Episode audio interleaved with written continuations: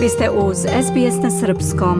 Slušajte SBS radio na Srpskom, ja sam Biljana Ristić. Danas i sutra se u Melbourneu održava međunarodna konferencija pod nazivom Granice, rad i mobilnost, upoređivanje Evropske unije i Australije. Naša saradnica iz oblasti politologije, dr. Nina Marković, jedan je od organizatora, a njenim govorom je konferencija i otvorena. Nina, dobar dan. Dobar dan. Prošla sam malo kroz najavu za konferenciju i privuklo mi je pažnju da je došao veliki broj govornika i uglavnom su sve teme posvećene restriktivnom kretanju, imigraciji i kako se to odražava na nedostatak radne snage. Na primjer, kako se Brexit odrazio na imigraciju ili kontrola imigracije u Mediteranu ili uticaj Kine i Indije na politiku migracija. Prvo možda da nam kažeš kojom temom si ti otvorila konferenciju. Konferencija je otpočela sa izlaganjem zamenika ambasadora Evropske unije pri Australiji, gospodinom Feđom Zlobecom, koji inače jako dobro govori srpski jezik. On je uh, uveo sve prisutne u glavne teme konferencije, a na što sam se ja nadovezala sa Balkanskim poluostrvom i različitim krizama u sferi migracije. Na primer, 2014. i 15. godine takozvana Balkanska ruta je bila glavna transverzala prelaska migranata iz Azije i sa Bliskog istoka u zapadnu Evropu. Nekada je e, čak do 5000 ljudi dnevno prolazilo kroz samo kroz mm -hmm. Srbiju, ali i kroz druge zemlje. Zanimljivo je što je populizam i natrpeljivost prema imigrantima tada nije postojala u Srbiji. Međutim, taj trend je počeo da se dešava krajem 2018. i 19. godine, kada su desničarske političke fakcije počele da prave retoriku protiv migranata.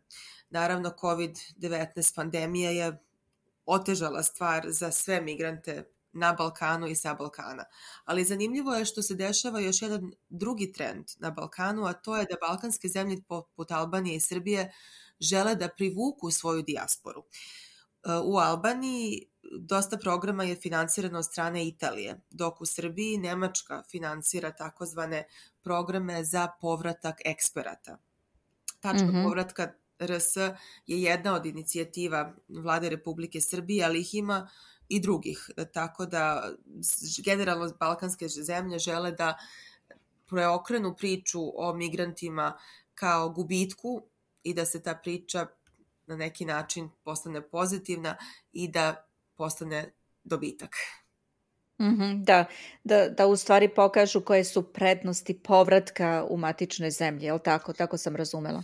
Prednosti povratka i na koji način države Balkanskog poluostrava u stvari privlače svoju dijasporu da li kroz mhm. volontiranje, stažiranje ili direktno ulaganje i zaposlenje. Zanimljivo je što će sutra u petak izlagati i ambasador Srbije, njegove ekscelencije Rade Stefanović, a pored njega i zamenik ambasadora Evropske unije prisustovaće i generalni konzul Velike Britanije. Tako da pored diplomata na ovom skupu su i eksperti iz celog sveta zaista, neki preko Zuma, neki lično, iz Amerike, iz um, Portugalije, tako da mm -hmm. zaista je prava evropska hibridna konferencija u srcu Melburna. Koliko će biti ukupno govornika? Za sada znamo da ukupno će biti oko 35 govornika, a mm. to ne uključuje posetioce. Da, apsolutno. Pomenula si ambasadora Srbije, da li znaš koju će temu on izlagati? Biće jako zanimljiva tema, Srbija kao destinacija za imigraciju posle 2015. godine i naši slušaoci i dalje mogu besplatno da se priključe ovoj konferenciji. Na Monaš univerzitetu su detalji, tako da zaista ona je besplatna, takozvana Jean Monnet konferencija svi su pozvani i svačije prisustvo je dobrodošlo. Da li možda imaš e, negde pri ruci link koji ljudi mogu da ukucaju u istraživač da bi došli do tog poziva za konferenciju recimo? A, najbolje može da odu na moj Twitter account Ninče 2013 na kome sam podelila, znači na INCHE 2013. Tako da to što je mm -hmm. prilično dugačak link da se podeli. -hmm. Da. Nina, koje bi teme ti izdvojila kao interesantne i zašto je ova konferencija važna? Ova konferencija je važna zato što pokazuje da generalno zemlje sveta sada imaju dosta problema u okviru zaposljavanja, u okviru privlačenja kvalitetne radne snage, ali i ilegalne imigracije koja je večiti mhm. problem mm -hmm. I za države i za same imigrante koji su u ilegali. Posle Brexita veliki je problem nastao u unutar Evropske unije sa takozvanim povratnicima iz Velike Britanije koji su jako dugo možda živeli tamo, posebno oni koji su došli iz istočne Evrope, a u isto vreme Velika Britanija ima manjak ljudi svih profila, na neki način kao i Australija. Zanimljivo je takođe i pitanje šta se dešava kada radnik postane stalan. Znači, mnoge zemlje poput Nemačke, Italije, Francuske su iza vreme hladnog rata privlačile brojne imigrante, ali nisu želeli da oni ostanu. Sada je očigledno da imigranti žele veoma često da ostanu tamo gde rade zato što zasnuju svoje porodice. I sad se postavlja pitanje kakav je njihov status u tim državama koje nisu planirale da oni budu tamo. Zanimljivo je što i Srbija sada ima nove ugovore sa zemljama poput Bangladeša, Gvatemala i Vijetnama, kojima se dovode takozvani sezonski radnici u Srbiji i oni naj, najviše rade na građevini, ali ukoliko oni budu želeli da ostanu u Srbiji, takođe Srbija će imati e, istu dilemu kao i zemlje poput Velike Britanije, zemalja Evropske unije, pa i Australije. Mm, da, interesantno zaista. Um, konferenciju organizuje Monaš univerzitet, je li tako? Nas troje je u samoj organizaciji, on je finansiran od strane Jean Monnet granta, tako da Evropska unija je prisutna kroz mm -hmm. te kanale i Australiji, a sama konferencija se održava u Monaš centru za konferencije broj 30 Collins Street u srcu Melbourna. I da li će možda biti izdato zajedničko saopštenje posle konferencije ili neki papiri koji će biti dostupni za analizu medijima?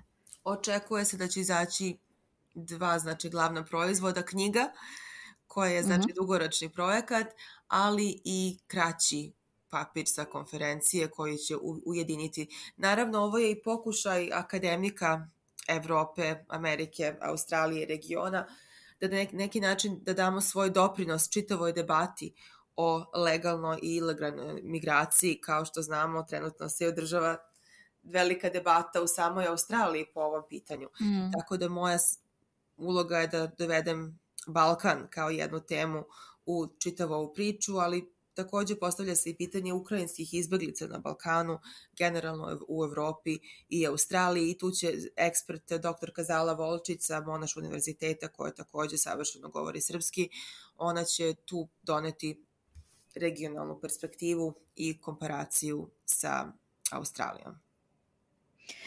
Možda e, ovo možemo sve da povežemo i sa predstojećim samitom o stručnoj spremnosti i zapošljavanju koji treba da se održi početkom septembra, Jobs and Skills Summit, tako se zove, a u toku je 12. nacionalna nedelja stručne spremnosti.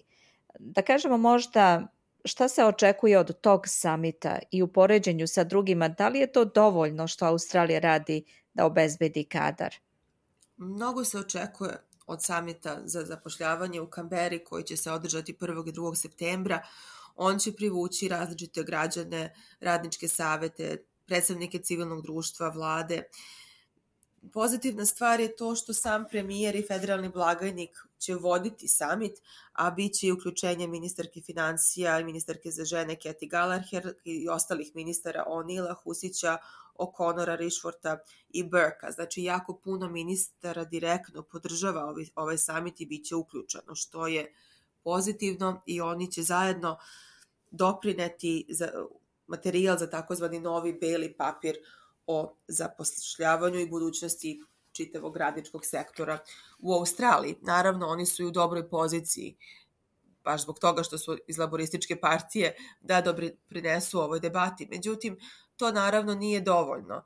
Mnogi se žale za nemanje statusa u Australiji, na primjer građani Novog Zelanda, Čak mm -hmm. jedna trećina svih beskućnika u Australiji je upravo sa Novog Zelanda. Mnogi imaju jako komplikovane porodične veze, decu koji su australi, australijski građani, međutim oni nisu, mnogi nemaju prava da rade, tako da je veliki broj ovakvih ljudi koji su mladi, koji su fizički spremni da rade, ali su potpuno na neki način zatočeni u svojoj situaciji. U isto vreme imamo ogromne štrajkove radnika, na primer radnici železnice u Novom Južnom Velsu i dalje štrajkuju, uprkos obećanju paketa pomoći od 260 miliona dolara. Znači, postoje ti strukturalni problemi koji se neće rešiti tako brzo jednim samitom. I takođe imamo i e, glas farmera i poljoprivrednika koji traže brže i lakše dobijanje vize za svoje, svoje radnike. Znači, usevi potpuno propadaju, farmeri nemaju kapacitet i radnu snagu da doprinesu više ekonomiji kako žele, tako da se zaista vrši pritisak na vladu Antonija Albanezea da zaista smanji takozvanu crvenu traku i administrativne začkoljice i da olakša radnicima da što brže dođu do mogućnosti za rad u Australiji. Nadamo se da će tako i biti. Nina, hvala mnogo i ja ti želim uspešnu konferenciju, a možda se i čujemo posle konferencije da sumiramo konačan ishod. Hvala puno, prijetno. Prijetno, bila je to naša saradnica iz oblasti politologije, dr. Nina Marković. Slušate SBS na srpskom, ja sam Biljana Ristić. Želite da čujete još priča poput ove? Slušajte nas na Apple Podcast, Google Podcast, Spotify ili odakle god slušate podcast.